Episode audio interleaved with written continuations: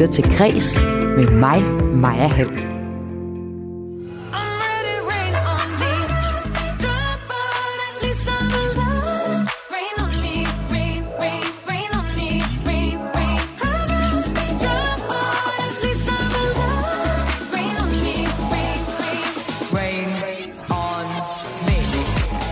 Udover en håndfuld kulturnyheder, der dykker jeg i dag ned i popikonet Lady Gaga, der er ude med en ny plade. For efter at have smidt de kunstige øjenvæber i A Star is Born, er de nu tilbage på Lady Gaga, hvis pop og paljetter kæmper en kamp for drags og retten til at være, hvem man vil. Jeg sender i programmet i dag også et par brugte underbukser med posten. De har tilhørt performancekunstner Uwe Marx Jensen, der smed sine underbukser live i radioen forleden. Er du en af dem, der har vekslet din festivalbillet til en øh, 2021-billet, så kan du ikke regne med at få det samme for pengene næste år. Det siger Dansk Live. Hør senere hvorfor. Og så giver jeg en øh, gratis billet til et festshow med blandt andet Hedegaard og Kato. Send mig en sms på øh, 1424. I beskeden skriver du R4, og at du gerne vil med til den her fest. Den foregår i Aarhus. Det er en drive-in-fest. Og så senere i programmet kan du høre mere om det her. Velkommen indenfor til Kris.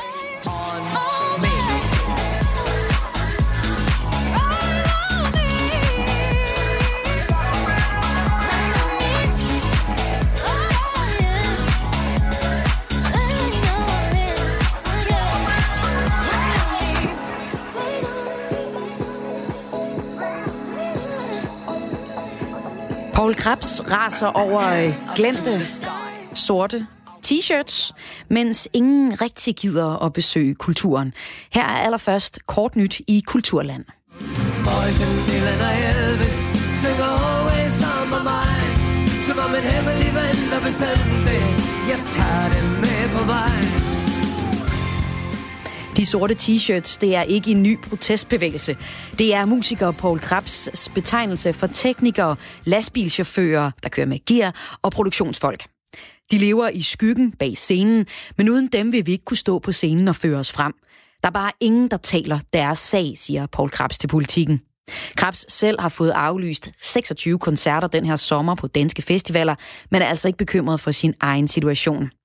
Hans kritik kommer efter, at der er landet en hjælpepakke til arrangørerne af f.eks. årets festivaler, men at de her ikke må lønne musikere og underleverandører for at få del i hjælpepakken.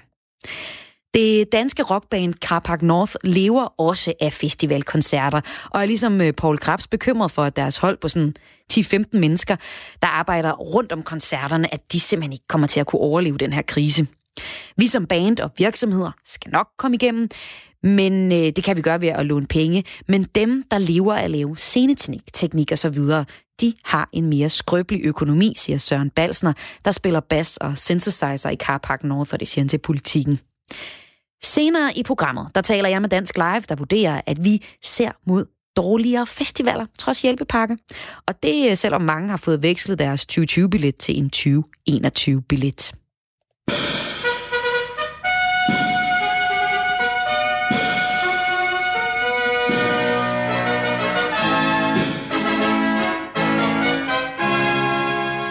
Du kan nu gå i biffen, du kan tage i sove, eller du kan besøge et museum. Men du gør det ikke.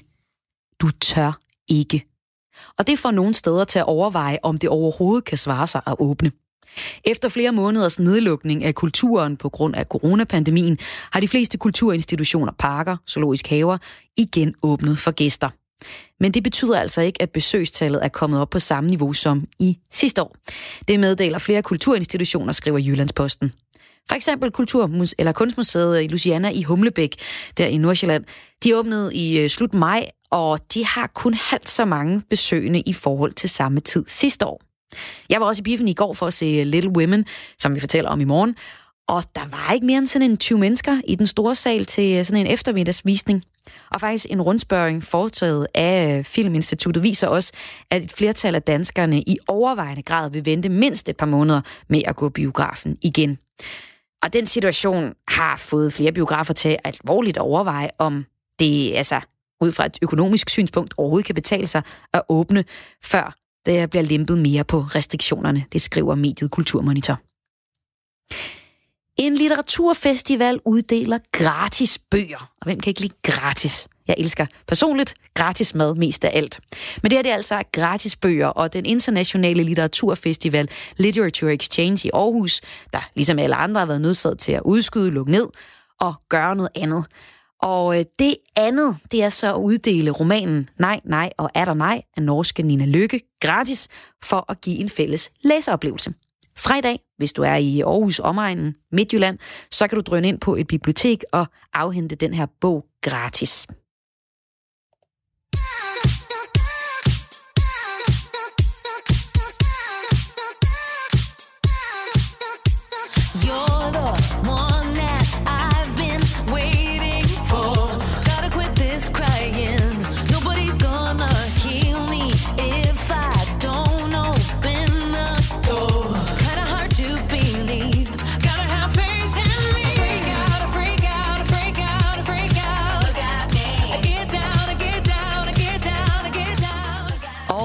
Er det tid til at træde ind i popmusiker Lady Gagas vilde, gakkede og transformerede musikalske univers.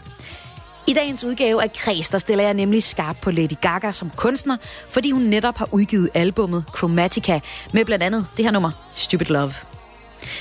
Hun er rundet af dragmiljøet, altså hør bare navnet, Lady Gaga, men har været forbi jazzen med Tony Bennett, og smed på ryggen i A Star is Born for et par år siden.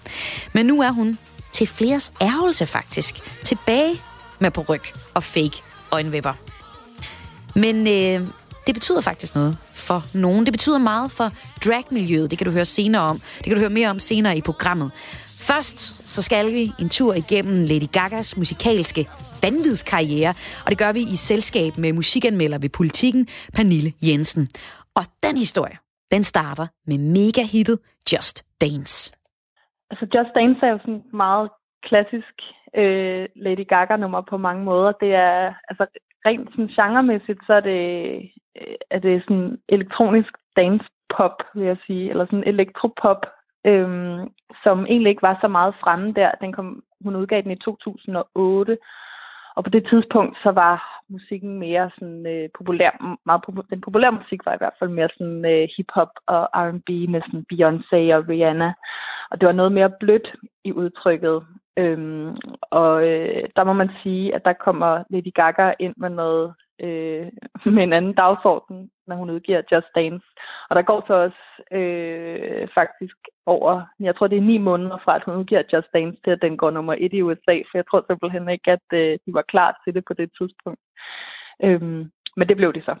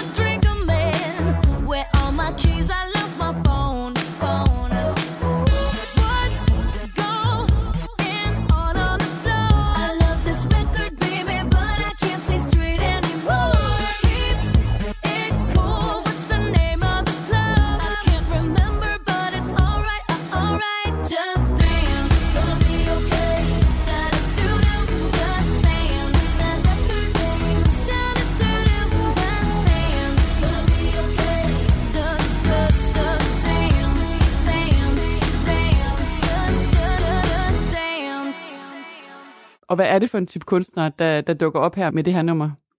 Det, der er særligt ved Lady Gaga, det er, at hun, øhm, hun tager den her øh, persona på sig, som er Lady Gaga, og det er sådan en rolle, eller en karakter nærmere, som hun udvikler op igennem nullerne, hvor hun, øh, altså hun optræder på øh, sådan nogle øh, små burlesk bar øh, i, i, øh, på downtown, downtown Manhattan, øh, hvor hun er vokset op. Øhm, hun kommer meget af det her dragmiljø, øh, hvor, hun, øh, hvor hun lader sig inspirere af de her drag queens, hun ser der optræder, og man kan også sige på mange måder Lady Gaga, det lyder jo også lidt som en drag queen. Altså det er lidt sådan en, en en karakter, som er meget sådan, øh, den popstjerne, der altid er på, kan man sige. Hun er, hun er inspireret af, øh, af Andy Warhol og hans, hans måde ligesom at kombinere lavkultur med finkultur. Øhm, og det er noget, hun ligesom blander i, øh, i sin egen kunst, som så er, er det her Lady Gaga-værk. Og skal vi prøve at lige springe øh, videre til det næste nummer, hvor du har valgt uh, Bad Romance, og det kan være, at du bare sådan lige vil give en kort introduktion til nummeret, inden vi skal høre en bid fra det. Ja.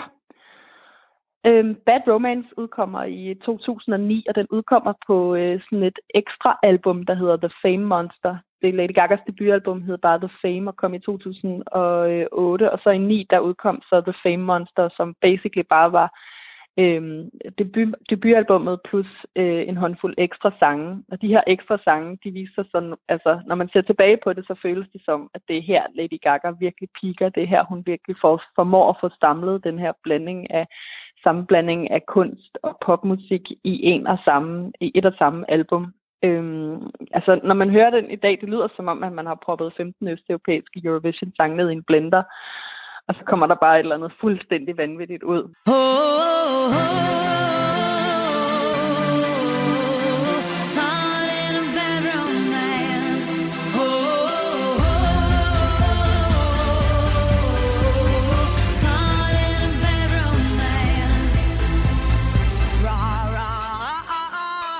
Og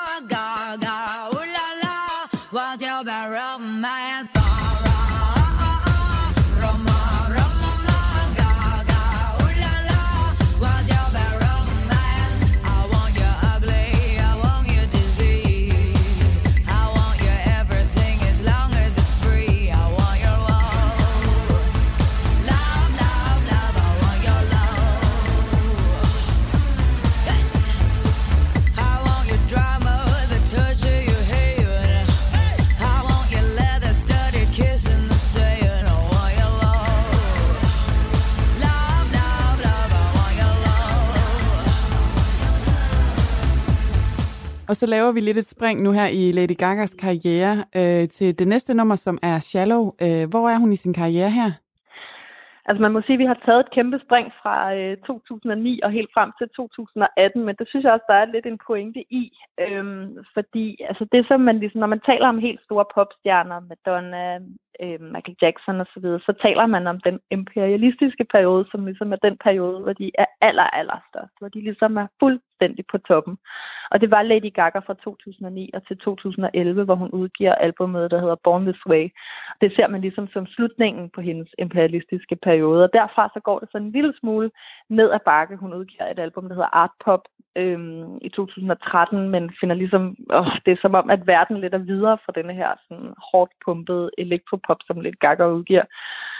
Så udgiver hun en duetplade med Tony Bennett øhm, i 14, og så udgiver hun sådan lidt mere sådan, øh, singer-songwriter-agtig øh, album, der hedder Joanne i 2016.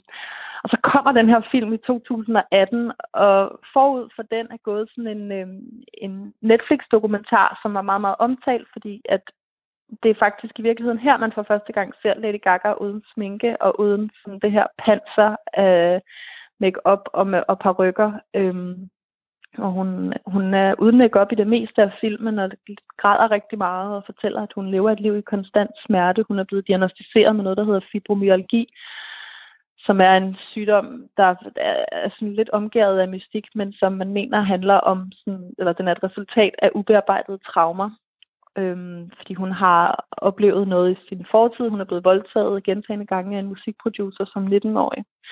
Man ved ikke, hvem den her musikproducer er, det har hun aldrig sagt, men hun har ikke aldrig lagt skjult på den her, at hun har været udsat for det her. Og det er så nogle traumer, som hun stadig arbejder med den dag i dag, og som så har givet hende den her sygdom. Øhm, og i den film, der taler hun om, at hun er blevet, hun er blevet øh, booket til den her øh, Bradley Cooper-film, og så siger hun ikke rigtig mere om det. Og så kommer A Star is Born så, og den, altså den, når den får premiere i Danmark, så har rygtet ligesom løbet i forvejen med, at, den, at Lady Gaga, hun har simpelthen stjålet den her film fuldstændig. Hun spiller brutalt ærligt på mange måder, og det, der er så vildt ved den film, det er jo, at den på mange måder også er en metafortælling, øhm, der øh, mimer Lady Gagas egen karriere på mange måder Øh, og det er ligesom bare med til at tilføje ekstra lag til den her øh, meget sådan Hollywood-agtige fortælling om en ung kvindes vej til stjernerne via sin, øh, via sin øh, kæreste, som øh, jo starter med at være stjernen, og så bytter de to så roller øh, undervejs i filmen. Og der er Shallow så øh, den store powerballade, altså det er ligesom hjertet i filmen.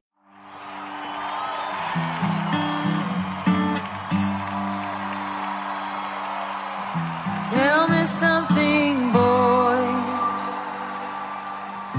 Aren't you tired trying to fill that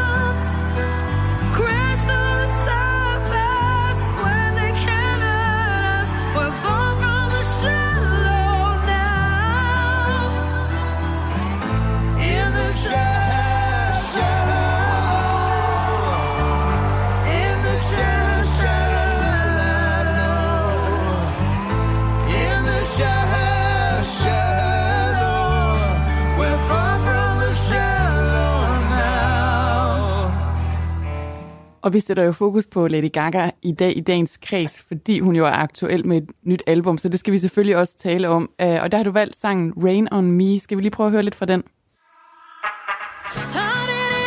For a free ride. I only asked you to show me a real good time. I never asked for the rainfall. At least I showed up. You showed me nothing else.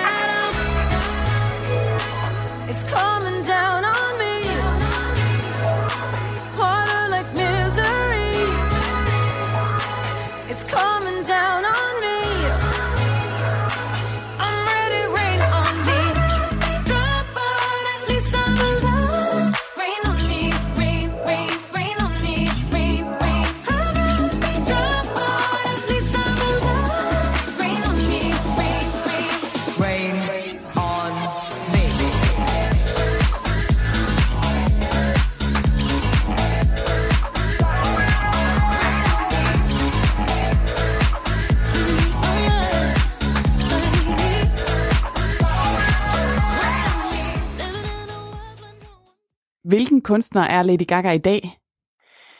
Altså Lady Gaga, hun er på mange måder et spændende sted i sin karriere, hvor hun ligesom skal genrejse sig selv som popstjerne med den her, det nye album, der hedder Chromatica, som udkom øh, i slutningen af maj.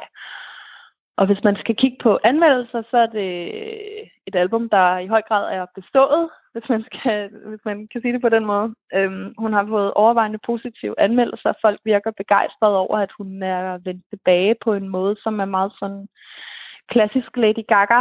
Øh, det er sådan en danceplade, det er en festplade, der er ikke en ballade i Miles omkreds, hvilket man måske godt kan forstå, når den sidste ballade, man hørte, det var Shallow eller Always Remember Us This Way fra Star is Born. Altså det er også ballader, der er svære at nå. Så på den måde, så giver det meget god mening, at hun ligesom siger, okay, nu går vi i en helt anden retning. Altså hun har ligesom lavet en 180 graders vending og er tilbage som den her øh, hedonistiske øh, dansegulvsdronning, som hun jo på mange måder også startede ud med at være. Og jeg synes, Rain On Me er bare sådan en, altså det er sådan en sang, der handler om, det er en duet med øh, Ariana Grande, som er været 10 år yngre end Lady Gaga, og som, men som også har øh, sådan amerikanske italienske rødder.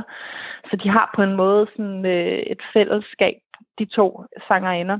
Øhm, og så er det bare en sang, der handler om, at ja, livet er hårdt, men det går videre på en eller anden måde. Og det er også en meget letbenet øh, gajolæske visdom, men det passer bare virkelig godt til den her sådan lidt 90'er øh, house-agtige øh, stemning, der er. Det er sådan en meget dansevenlig sang, øh, som ja, på mange måder viser, hvad det er, Lady Gaga også er virkelig god til. Altså, og det er simpelthen at samle folk omkring sig på dansegulvet.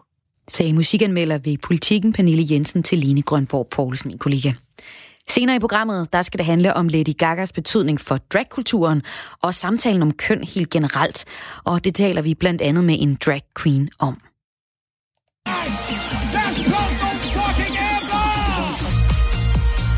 Og så går vi klar til en omgang fist pop! Hvis man vil danse ind i fremtiden, så er det begge arme. Er de motherfucking klar? jeg elsker det her klip. Det er fra Skanderborg Festival, og det er Infernal. Men altså Skanderborg Festival, Roskilde, Nibe Festival, Tinderbox, Northside, alle de sommerfestivaler, jeg har undersøgt, tilbyder festivalgæsterne at få byttet deres armbånd til en 2021 billet. Nu var de altså blevet øh, aflyst her i 2020 på grund af coronapandemien. Men næste år kommer festivalerne ikke til at kunne levere det samme, som du har betalt for i år. Det mener sekretariatchef for festivalernes brancheforening Dansk Live, Esben Marscher. Og hvordan kan det være, øh, Esben? Hallo Esben. Men ja, Ja. ja. hallo? Der var du. Ja, ja, ja, hallo. Ja. Det er måske lige at skamvinkle det lidt, men som ser man overordnet på det, så ved vi jo, at øh, der nu er kommet hjælp til festivalerne, og, og man får mulighed for at få noget kompensation for de udgifter, man har haft til de festivaler, man nu må aflyse her i år. Men alle festivalerne kommer til at gå ud med nogle underskud i år. Og derfor er, byder logikken jo, at man, man starter mm, lidt et andet sted, end man startede i år. Så, så øh, ja, overordnet set kommer det til at være nogle andre festivaler. Om det, jeg tror, pu- publikums oplevelse vil være mindst lige så god, fordi man jo har et års pause i, øh, i, og, og glæde sig til næste års festival. Men, men, øh, men sådan rent forretningsmæssigt, så starter man et andet sted, og det presser selvfølgelig det, man kan tilbyde sine kunder. Ja, så vi glæder os jo rigtig meget til at komme på festival, og blandt andet komme på Skanderborg Festival. Og velkommen til direktionsordfører Søren Eskelsen. Ja, hej med jer, og tak for Infernal. ja, ikke også? Der er altid gang i dem, når de er på. Hvorfor tilbyder I jeres gæster at forveksle billetten til en 2021-billet, hvis I ikke kan garantere at levere den samme, ja, vi kan sige, kvalitet i øh, indholdet næste år, som I tilbød i år, da vi købte billetten? Altså udgangspunktet for den præmis, den er jo, det er jo selvfølgelig øh, et, øh, et godt nok udgangspunkt, Esben, han også, han også nævner her. Men i vores tilfælde, der sætter vi alt den på at lave en festival på niveau i 21. Og det er rigtigt det her med, at hjælpepakken, øh, der jo skal øh, kompenseres for vores tab på, på det arrangement, vi ikke kunne holde i 20, øh, det kan gøre noget for os, men det kan ikke gøre alt. Øh, og i vores tilfælde, der betyder det, at øh, vi, vi jo har en festival, øh, der koster enormt mange penge at lave, øh, fordi øh, vi leverer en festival på et højt niveau. Og for at kunne gøre det, så skal vi også have nogle flere penge ind øh, udefra, for at kunne levere på højt niveau i 21. Vi har sat øh, alt den på at levere en festival på niveau i, øh, i 21. Øhm, og øh, vi har ikke en pengekasse stående til sådan en situation her. Så derfor i vores tilfælde, øh, for, at kunne, øh, for at kunne gøre det, der er vi ude og eksempelvis belåne de aktiver, vi har for at kunne lave festival, øh, for at få øh, likviderne på plads. Og samtidig med det har vi også øh, fået muligheden for at låne nogle penge hos, øh, hos Skanderborg Kommune. Men Søren Eskelsen Og, øh, fra Skanderborg Festivals, øh, Festival, er det godt nok, at I prøver, når vi nu har lagt rigtig mange penge hos blandt andet øh, jer også festivalgæster, at I prøver at lave noget, der er lige så godt næste år? Det er ikke noget, vi bare prøver. Det er jo det er noget, vi gør. Altså alt er sat ind på at, at levere en festival på niveau, og det kommer vi også til at gøre. Det er ikke noget, vi prøver. For at kunne søge om arrangørhjælpepakken, som netop er kommet, der øh, skal festivaler annullere alle økonomiske udgifter til både artister og underleverandører, før den økonomiske kompensation kan søges. Og det er så ikke et problem for Skanderborg Festival, det gør I gerne, og I så går også andre steder hen for at finde penge, så de kan levere et øh, lige så godt program næste år. Men øh, i et interview til Politiken, der raser musiker Paul Krabs over pakken, fordi den glemmer de folk, der er bag scenen. Det er teknikere, chauffører og producenter. Så Esben Marscher, sekretariatchef i Dansk Live, som er altså er brancheorganisationen for, for festivaler, har I været gode nok til at huske erhvervs- og kulturministerierne på, at branchen ikke kun består af store festivaler som Skanderborg og Roskilde Festival? Det synes jeg egentlig, vi har. Det, som den her ordning jo skal, det, det, vi, øh, det vi for festivalerne jo vigtigt, fordi den holder skinnet på næsen for festivalerne, sikrer, at man kan komme igen som festival næste år. Men den skal også øh, Øh, holde hånden under fodboldklubber, øh, messearrangører og alle mulige andre, der laver arrangementer her over sommeren, som ikke kan gennemføres på grund af, af, af covid-19. Og det er jo derfor, at den ikke bare kan, kan komme, øh, komme musikere og teknikere og, øh, og, øh, og så videre til gode også. Øh, fordi så vil man øh, skulle øh, til gode se alle underleverandører via den her pakke. Og der er jo øh, heldigvis øh, et væld af andre hjælpepakker, som understøtter alle mulige andre brancher. Men ligesom at festivalbranchen er en sæsonbranche, så er musikernes øh, øh, virkelighed jo også baseret på, at de tjener hovedparten af jer teknikerne og så videre, at de tjener hovedparten af deres penge her over sommeren. Og derfor rammer det dem jo øh, hårdt, at festivalerne er aflyst. Jeg synes, vi har gjort alt, hvad vi kan for at forklare det her. De ved det også godt, og der bliver også arbejdet for, at man kommer, øh, kommer musikerne og så videre til, til hjælp med, med nogle nye pakker, ved jeg, fra politisk side. Og nu siger Skanderborg Festival så også her næsten, eller hvad, er det en garanti, vi, vi egentlig har, Søren Eskelsen, på, at det er lige så godt næste år, som det, som det ser ud til at blive i år på Skanderborg? Altså det er det, vi sætter alt ind på at levere, og øh, den økonomi, vi har på plads øh, for at kunne gøre det, øh, den findes også øh, øh, på nuværende tidspunkt, så derfor så, øh, så er det også det, vores gæster de skal forvente at få en festival på fuldt niveau i 2021. Så det lyder jo så faktisk som om, at Esben Marsha, du skal, ikke, du skal simpelthen ikke koncentrere dig mere om festivalerne, men øh, måske skal du så fokusere lidt på, på dem, der står bag scenen. Hvad siger du til det, som Søren Eskelsen siger her? Altså han mener, at han kan holde den samme festival øh, næste år, som han kunne i år. Men det, vi står i lige nu, det er jo også en situation, hvor vi ved, at festivalerne er altså, hjulpet godt igennem, øh, selvom de kommer ud med underskud. Vi har en lang række spillesteder, som, som bløder lige nu. Og så har vi jo det øvrige musikliv og alle de mange underleverandører, som, som jo stadig mangler vidsthed for, hvordan de skal blive hjulpet igennem det her. Og det er jo det, man kan sige, vi arbejder jo med, med festivalerne og spillestederne, og der er heldigvis andre gode øh, kræfter, der arbejder med, øh, med producenterne og musikerne og deres øh, rettigheder. Men vi bistår selvfølgelig det arbejde, fordi det er vigtigt, at man forstår, hvordan, hvordan den her øh, festivalverden hænger sammen, når man laver de her hjælpepakker. Det tror jeg nu også, de gør, fordi vi har talt meget med dem. Men det, er- det er det der med at få skruet de her øh, strukturer sammen, så de kommer de rette til hjælp, og, og ikke bare øh, er, er sådan øh, proforma-pakker. Tak fordi I var med her, Skanderborgs Festivals direktionsdirektør Søren Eskelsen, og også tak til dig, Esben Marscher, sekretariatschef i Dansk Live. Selv tak. Rigtig god dag. Og det var altså på historien om, om festivalerne kan leve op til det, vi har betalt for i år, fordi rigtig mange af festivalerne, Roskilde, Northside, Tinderbox, de tilbyder os jo at få vekslet vores billet til en billet til næste år, nu hvor det er blevet aflyst. Og det lyder i hvert fald som om, i hvert fald for Skanderborg Festival, det kan lade sig gøre. Mm, brancheorganisationen er lidt mere tøvende, men de gør stadig, hvad de kan for også nå hele vejen rundt, fordi en ting er, om festivalerne lige kan få tingene til at løbe rundt. Noget andet er, om alle de andre små, altså underleverandører, også kan få tingene til at løbe rundt. Nu skal vi til at sende nogle underbukser med posten. Jeg står her med en dejlig boblekonvolut, og den er jo dejlig i sig selv, men inden i den, der ligger der et par brugte underbukser og nogle sokker. Underbukserne de har været brugt i øh, 48 timer, sokkerne kun et døgn. Ikke desto mindre ligger de her inde i boblekonvolutten, og det er jeg er ret glad for, at de faktisk ligger derinde.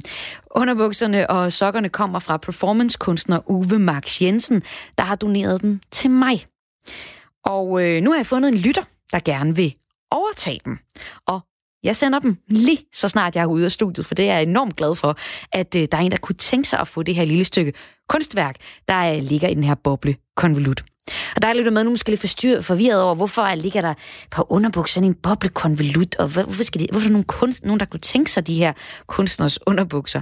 Men det er simpelthen fordi, at øh, performancekunstneren Uwe Max Jensen, han gav mig her for et par uger siden sine brugte underbukser.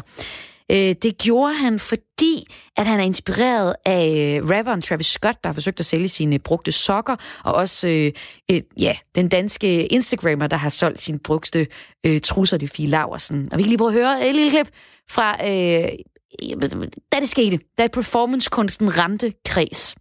Hjemmesiden er frygtelig grim, og er jo egentlig bare, prøv bare at pranke lyt, eller hans øh, fans til at købe noget skrammel. Altså, det er kun sneakers, man i virkeligheden kan købe. Men du synes, det er interessant det her med, når kunstnere, Uwe, kan få sig selv til, eller faktisk kan sælge noget af deres personlige ejendele, fordi de er, hvem de er. Ja, jeg synes, det er interessant, det der, man projicerer en værdi over i noget, der ikke nødvendigvis øh, har nogen værdi, hvis afsenderen var en anden. Og, og, og for at illustrere det, har jeg også besluttet, dig, øh, besluttet for at give mig, øh, give dig mine sokker. Ja, wow. Okay, men nu ved jeg jo ikke, hvordan jeg egentlig skal have det med det, Uwe. Du tager dem simpelthen af nu. De kommer der. Og ikke nok med det. Hvad hedder det? Nu har jeg lige smidt øh, sokkerne over til mig.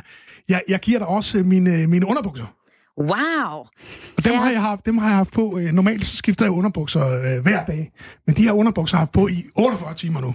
Wow. Så du har simpelthen gemt dem her, Uwe. Jeg tror, vi bliver nødt til at filme det her, fordi det simpelthen er fedt, at vi får et par... Wow, de er flotte. Prøv lige, hvad er, hvem er det, der er på, på dem? Øh, det er sådan en, øh, en eller anden øh, tegneseriefigur. Der er en tegneseriefigur på, og de, Ja, jeg holder det simpelthen i blåt begge dele. Må jeg få dem også? Ja, tak. Så nu står jeg her med Uwe Max Jensens øh, sokker, og det er sådan nogle ternede nogen. Øh, og så har jeg et par underbukser af mærket Fusi, Fusida, og med en tegneseriefigur på. Øh, og nu står du så i bare røv. Ja, det er dejligt. Det, det er simpelthen så... Det er så, øh, ja, det er så frigørende. Og vil du sige, at jeg burde, altså, burde jeg blive glad for dem her, før at det gælder? Du burde give øh, mig dine trusser. Jeg burde give dig mine trusser. Ja, det ville da være en flot det vil jeg simpelthen ikke, for jeg købte dem i går. Nå, okay. det- Ah, okay, så behold dem. Og jeg har så mange huller i mine trusser, så det gider jeg simpelthen Nå, faktisk okay, ikke. Nu har jeg endelig et par hele trusser. Nå, ja. Sagde øh, her performancekunstner Uwe Max Jensen i vores øh, fredagsprogram. Ikke fra i fredags, men forrige fredag, der kan du gå ind og finde, det, øh, finde vores øh, podcast med den fulde udsendelse, hvor Uwe Max Jensen altså giver sine underbukser og sokker til kreds, og de ryger så nu videre til en heldig lytter i Skanderborg, der skrev ind straks efter udsendelsen og sagde, at han godt kunne tænke sig dem her. Du lytter til Græs her på Radio 4, dit daglige kulturprogram, hvor du altid kan skrive ind på sms'en 1424. I beskeden skriver du R4, laver et mellemrum og skriver din besked. Hvis du ikke har fået programmet med her fra starten, så kan du finde det som podcast.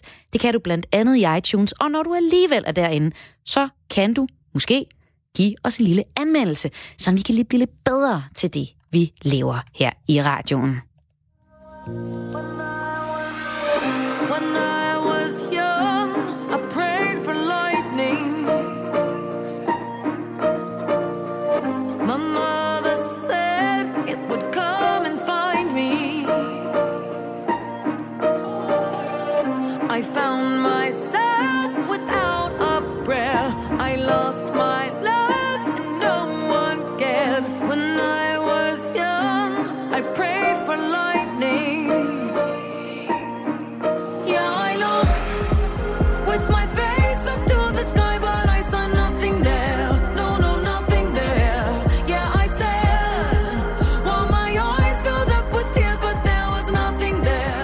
Lytter til Græs, og det her det er Shine From Above med Lady Gaga. Og det er fra hendes nye album. Lady Gaga er nemlig den kunstner, som jeg ser nærmere på i dagens udsendelse, hvor det nu skal handle om Gagas betydning for samtalen om kønsidentitet. Nu bliver det meget fint, nej det gør det ikke, men øh, faktisk betyder Lady Gaga rigtig meget for blandt andet dragmiljøet. Selv har Lady Gaga eksperimenteret med perukker, en kjole skabt af kød, jeg ved ikke du har set den, prøv at gå ind og google det, det ser for vildt ud, og øh, de er seriøst bare sådan vildeste outfits, outfits, hvor hun hele tiden tager man kan sige, sin identitet på og af og leger med den. Og derfor har hun også haft en ekstrem stor betydning for både det homoseksuelle, homoseksuelle miljø og dragmiljøet, når hun som populær kunstner skubber til vores opfattelse af køn og seksualitet. Og det handler især om, at det, hun har gjort det gakkede, kan man sige, og mærkeligt acceptabelt. Det påpeger musikanmelder ved Politiken Pernille Jensen. Jeg tror, at Lady Gaga helt fra, helt fra hun begyndte, øh, helt fra hun debuterede med Just Dance, har hun været ekstremt god til at vise, at det er okay at være mærkelig, og det er okay ikke at, altså ikke at ligne alle andre. Og det har hun været, altså det har hun ligesom været totalt kompromilløs omkring lige fra starten. Og hun er meget, meget hurtig, så hun også bare sådan skruet op for den der underlighedsknap, og ligesom bare taget ejerskab over det, og sagt, prøv at høre, det er sådan her, jeg er, det er sådan her, altså jeg har lyst til at tage en kødkjole på til den her prisfest, det gør jeg. og så har folk bare stået og måbet. Og jeg tror bare, det har betydet helt vildt meget. Altså man så igennem, øh, altså siden Lady Gaga, så har vi set Katy Perry, der også altså, skød øh, flødeskum ud af, øh, ud af sin BH i videoen til California Girls, og vi har set Miley Cyrus sidde på sådan en øh, wrecking ball, fuldstændig nøgen, iført et par Dr. Martens støvler, og der fik, der, der Sia, som jo også altså, gemmer sig bag par rykker hele tiden, og har ligesom gjort en ting ud af det. Og jeg tror simpelthen, at Lady Gaga har betydet mega meget i forhold til at vise især kvindelige musikere, at det er helt okay at være mega mærkelig, og ligesom tage ejerskab over det, og dyrke det, og sige, prøv at høre, det er sådan her, jeg styrer det her popstjerneshow, og det kan I også gøre. Og det tror jeg, der er noget meget frisættende i, som ja, betyder rigtig meget for rigtig mange mennesker. Sagde Pernille Jensen, musikanmelder ved Politikken. En af dem, som virkelig har været inspireret af Lady Gaga herhjemme, skal du møde lige her. Han hedder Kasper Vest, men øh, på dragscenen, der hedder han Annie Rection. Når jeg er Annie Rection, så ser jeg vild ud. Jeg har kæmpe, kæmpe stort hår i alle mulige farver, og øh, gerne noget, øh, noget paljet, noget glimmer. Det, det er over the top. Det kan man godt sige. Man er ikke i tvivl om, at det er øh, et, øh, et, et højt ranglet skur, der står med paljetkjoler og det hele. Jeg vil bare gerne, altså man kan sige, jeg ser ikke, jeg ser ikke så crazy ud for ikke at få opmærksomhed, kan man sige.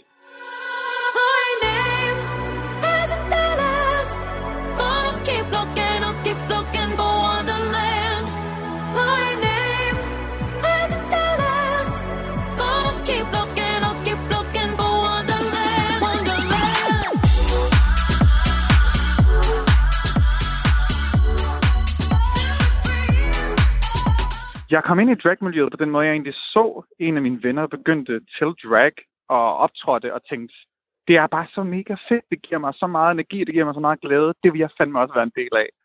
Og øh, ja, så begyndte jeg faktisk meget kort tid derefter, og så er det bare fortsat lige siden. Jeg synes, jeg får ud af drag en lykke. Der er så meget glæde og underholdning og lykke involveret, men når jeg laver mit drag, det eneste, jeg gerne vil med at opnå, når jeg er på en scene, det er at få folk til at smile og grine og have det fedt. Og måske bare lige glemme de der hverdagsproblemer, bare lige i 10 minutter, så man bare kan få lov at grine og have det sjovt imens. Og øh, i dag der taler vi jo her i Kulturmagasinet Kreds om Lady Gaga, som jo er, er aktuel, men som mange også peger på, har haft en stor betydning øh, for dragmiljøet, og som også er en kunstner, som jeg ved, øh, du er rigtig glad for. Det er rimelig rigtigt. Jeg har faktisk en, en tatovering på mit håndled, som er en fuldstændig tro kopi af noget, som Gaga selv har faktisk på sit eget håndled. Det er et lille peace-tegn, som øh, man ved nok kun, at det er noget, der, har relat- noget, der er relateret til det, Gaga, hvis man selvfølgelig ved meget om hende, og ved, at hun har en øh, peace-tatovering på, sin, øh, på sit håndled, men det var altså det, det var inspireret af. Og hvad har hun som betyder for dig?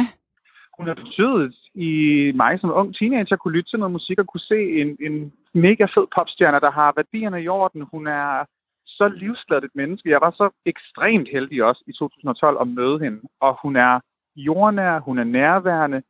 Hun, altså der er en årsag til, at hun har den succes, hun har i dag. Det er ikke kun på grund af hendes musik. Det er også bare på grund af det væsen, som hun er.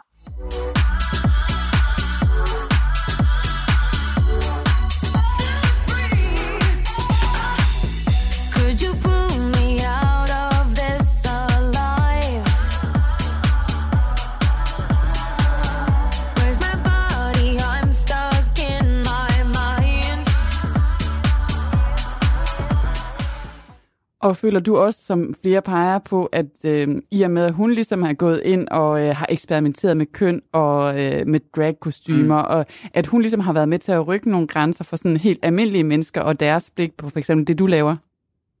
Absolut. Gaga har, Gaga har haft kæmpe indflydelse på, på hele modeindustrien, vil jeg sige, og hvordan folks billede er, hvad, hvad man er i, som, som, som det køn, man føler sig. Det, man kan jo se tilbage på, på for, for mange år siden, da hun mødte op i en kødkjole, og det fik fandme folk til at, at, at snakke. Hun har en måde at udtrykke sig på, som nogen måske vil mene, om det er da bare for at få opmærksomhed. Nej, det er egentlig bare fordi, sådan hun har lyst til at se ud. Og jo mere vi kan have den samtale, at man skal selvfølgelig have lov at se ud præcis på den måde, man har lyst til. Hvis det så skal være Lady Gaga, en popstjerne, der skal komme i et eller andet fuldstændig vanvittigt kostyme, lad os da snakke om, og lad os da tage den debat, at man netop gerne vil se ud præcis på den måde, som man gerne vil. Så hun har absolut, altså hun har absolut spillet en rolle i det. Jeg synes, Chromatica er så vildt et album. Det er jo, man, nogen vil lidt kalde det et comeback-album, Øh, da de sidste udgivelser, hun har lavet, ikke rigtig måske har været poppen. Hun har lavet noget, noget film også. Jeg synes, Chromatica kan rigtig, rigtig, rigtig meget. Det er et super solidt dance pop album, men man har jo fandme lyst til at tage i byen, lige så snart man hører det første nummer, der hedder Alice, som virkelig sætter standarden for, hvordan resten af det her album kommer til at, at, at, at, at få dig til at føle. Får du lyst til at danse, får du lyst til at drikke en god shoes og bare feste. Det er en fed house vibe, der også er ind over, øh, over de her tracks. Der er lidt 90s inspireret ind over det. Der er virkelig, altså det er ikke et Gaga-album, som minder om noget som helst, hvad hun ellers har lavet. Det er i mine øjne et, et af de allerbedste albums, hun nogensinde har udgivet.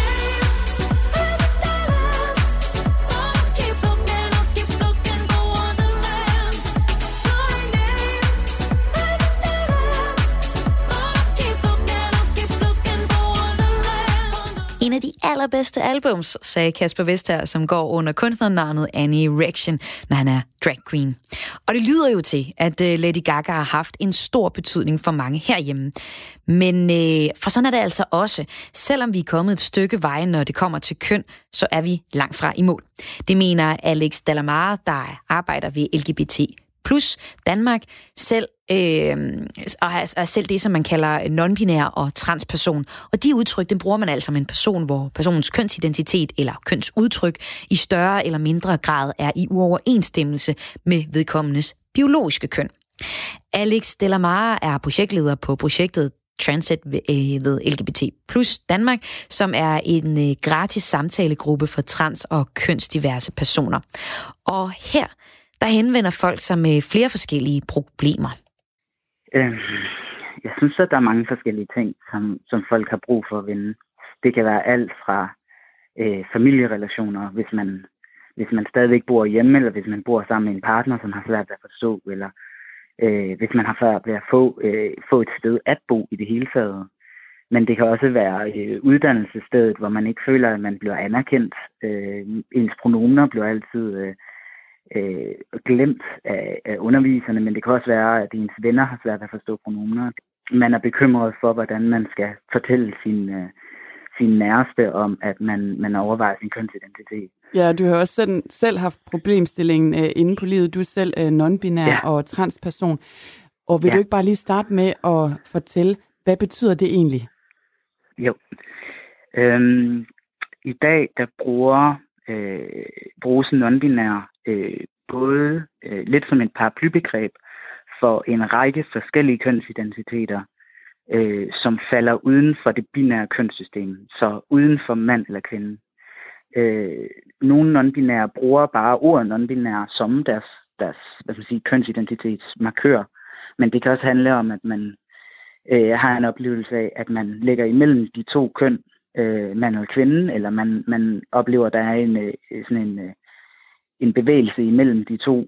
Øh, at nogle dage så føler man sig mere som mand, og andre gange mere som kvinde. Det kan også være, at man, man slet ikke oplever at have noget køn, så man er akønnet, eller man er bikønnet, man har begge køn, eller man er polykønnet, man har flere køn. Øh, I mig selv forstår det, som om jeg ikke har nogen særlig stærk fornemmelse af at have øh, en kønsidentitet, men jeg er ikke tilpas i den kønsidentitet, jeg fik tildelt ved fødslen. Øhm, så det er sådan, at jeg arbejder med det, og så har jeg det inde på livet på den måde, at jeg, øh, jeg er transperson. Det er sådan, jeg forstår mig selv.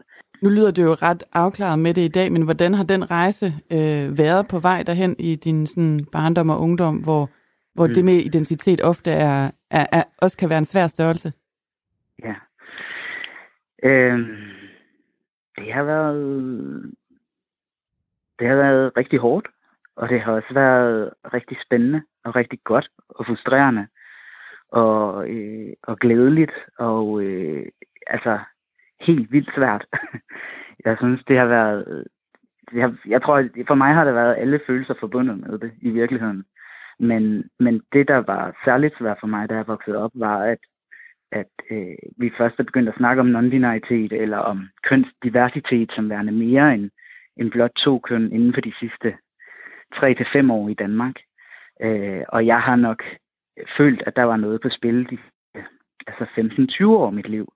Så jeg tror, jeg gik i mange år og ventede på, at, at der var et sprog til at i tale sætte kønsidentitet på en anden måde, end det man gjorde øh, for bare fem år siden øh, herhjemme i Danmark.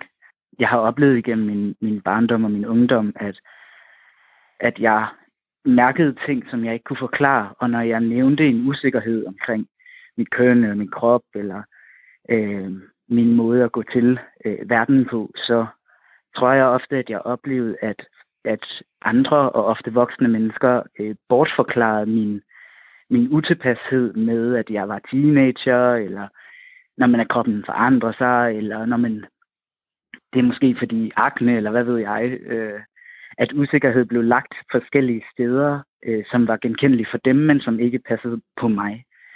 Så det har været et kæmpe stykke arbejde at øh, lære og fralære en masse ting. Øh, fralære at tænke mig selv som, øh, som, som en kvinde, og lære at tænke, at jeg må gerne være noget andet. Øh, for jeg er noget andet. Og i Danmark, der er vi jo egentlig tit rigtig stolte af, at vi er sådan frisindede, og, øh, og vi hylder mangfoldigheden. Men er vi i din optik egentlig så øh, reelt frisindede, når det kommer til køn? Mm, jeg ser, at vi lige nu, øh, vi, øh, vi, jeg er enig med dig, vi er stolte af, at, øh, at der er en, øh, en form for modernitet forbundet med, med det danske sind, eller frisind. Øh, men øh, jeg synes, at, demo, hvad skal man sige, demonstrationen, som var her i, i tirsdags i København i, og i, i, øh, i flere dele af landet, blandt andet i, i, øh, i Aarhus og i Aalborg og i Kolding, mener jeg også, eller Vejle, en af de to, øh, som var øh, kjoler mod hadsforbrydelser, som handlede om, øh, om den omtalte situation, hvor en, en kendt øh, dansk skuespiller filmede en, øh, en, hvad skal man sige, en køns nonkonform øh, person i, i det danske gadebillede med en masse øh, øh, altså sådan øh, nedladende tale omkring den her person det, at det stadigvæk er en del af en virkelighed, at det bliver filmet, og det bliver lagt op, og det bliver grint af, at en person klæder sig øh, og udtrykker sig på en måde, som ikke stemmer overens med det køn, som hele verden synes, at man har. Øh, det for mig er et godt eksempel på, hvordan vi på ingen måde er i mål. Øh, fordi var vi i mål, så var det ikke et problem sagde Alex Delamare fra LGBT plus Danmark, og det var min kollega Lene Grønborg Poulsen, der havde talt med kilderne i det her indslag. Og vi talte altså med blandt andet en drag om Lady Gaga, fordi hun er kommet ud med et nyt album, der hedder Chromatica. Lad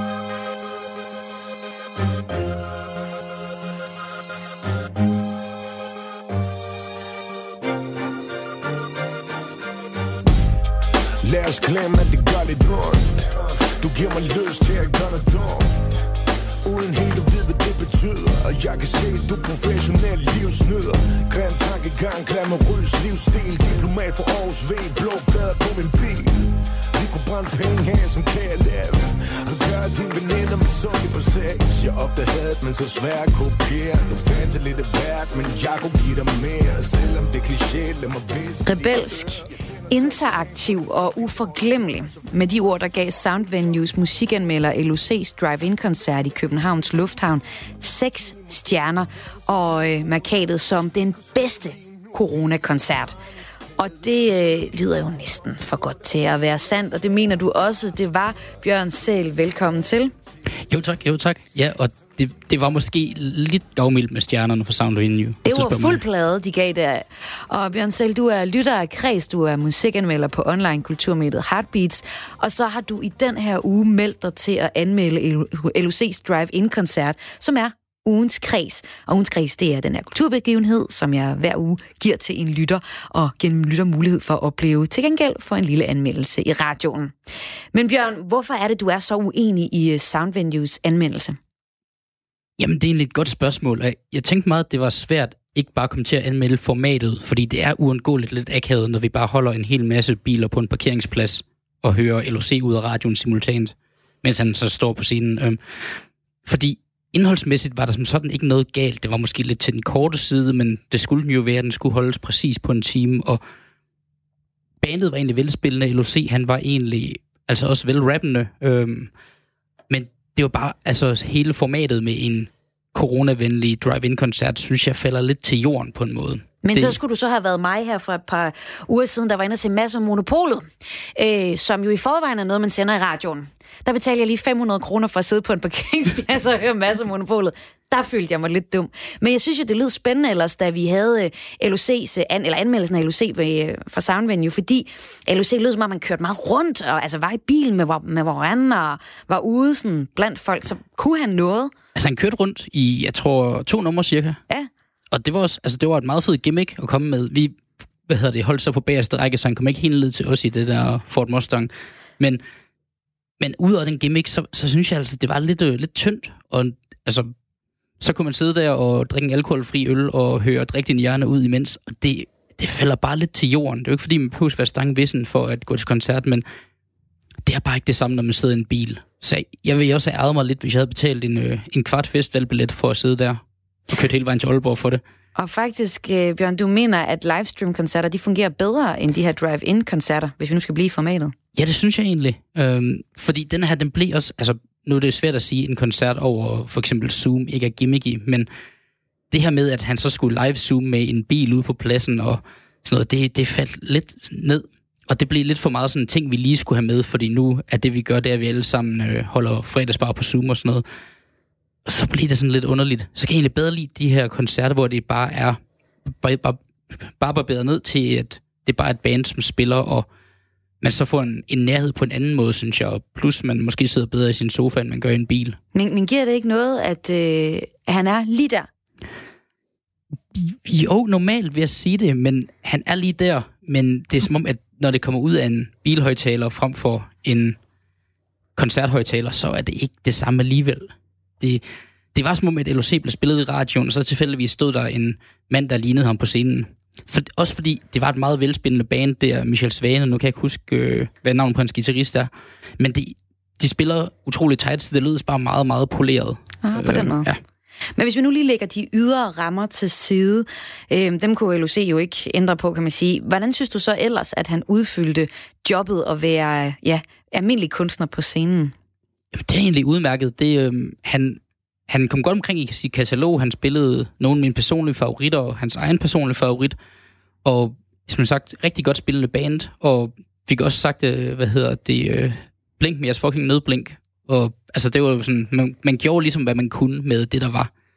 Men, men der manglede bare lidt. Men, men jo, altså sådan indholdsmæssigt, ganske glimrende koncert. Og, og også, øh, altså selvom at, øh, han har været tørlagt siden 2005, så får man jo stadigvæk sange som Absint og få din flaske på, og det er jo, altså det er jo, det er jo de sange, man egentlig kommer for at høre. Nu arbejder vi her på Kreds ikke normalt med stjerner, men øh, det bliver næsten det bliver vi næsten lige nødt til at gøre her, fordi Soundvenue giver den øh, seks stjerner, den koncert, LOC giver i København. Hvad giver du øh, den her i Aalborg? Jeg tror, altså en lille 60-stjerners, vil jeg sige. Tak fordi du var med her, Bjørn Sal Kreds, lytter og anmelder af ugens kreds, og til daglig musikanmelder på onlineet. Online kulturmediet Heartbeats. Jo, tak. Hvis du, der lytter med, selv vil vurdere LOC's Drive-In-koncert, har du mulighed for på lørdag og gør det, hvor han rammer Odense. Og hvis du bare er nysgerrig på øh, selv endelig at prøve Drive-In-konceptet af, øh, så kan du melde dig som den næste anmelder i ugens kreds. Der er allerede en, der har skrevet ind på sms'en. Vi må se, hvem det bliver. Men øh, på lørdag så afholdes øh, efter sine den vildeste Drive-In-fest til dato på dansk jord. Den er sat til at finde sted på P-scenen i øh, Aarhus, og på programmet er blandt andet Faustix.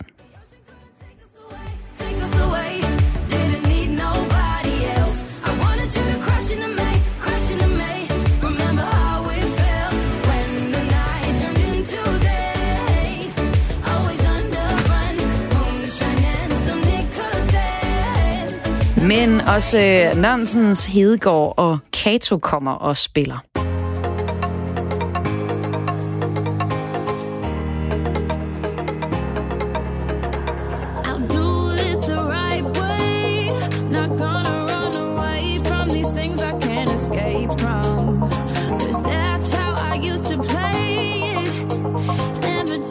Der er også lavet et stort lysshow, og der er lagt op til rigtig stor fest.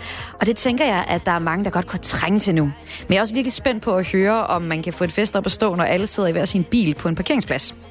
Trænger du, du, du til at feste, og vil du anmelde Park and Party, som det her fænomen hedder for mig, så skriv en mail til kreds 4dk og så kan billetten blive din. Og det er altså kraes radio4.dk.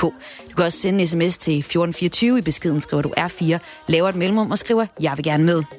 Programmet var tilrettelagt af Lene Grønborg Poulsen. Jeg hedder Maja Hall, og øh, efter den her udsendelse, der kan du finde hele programmet som podcast. For eksempel på.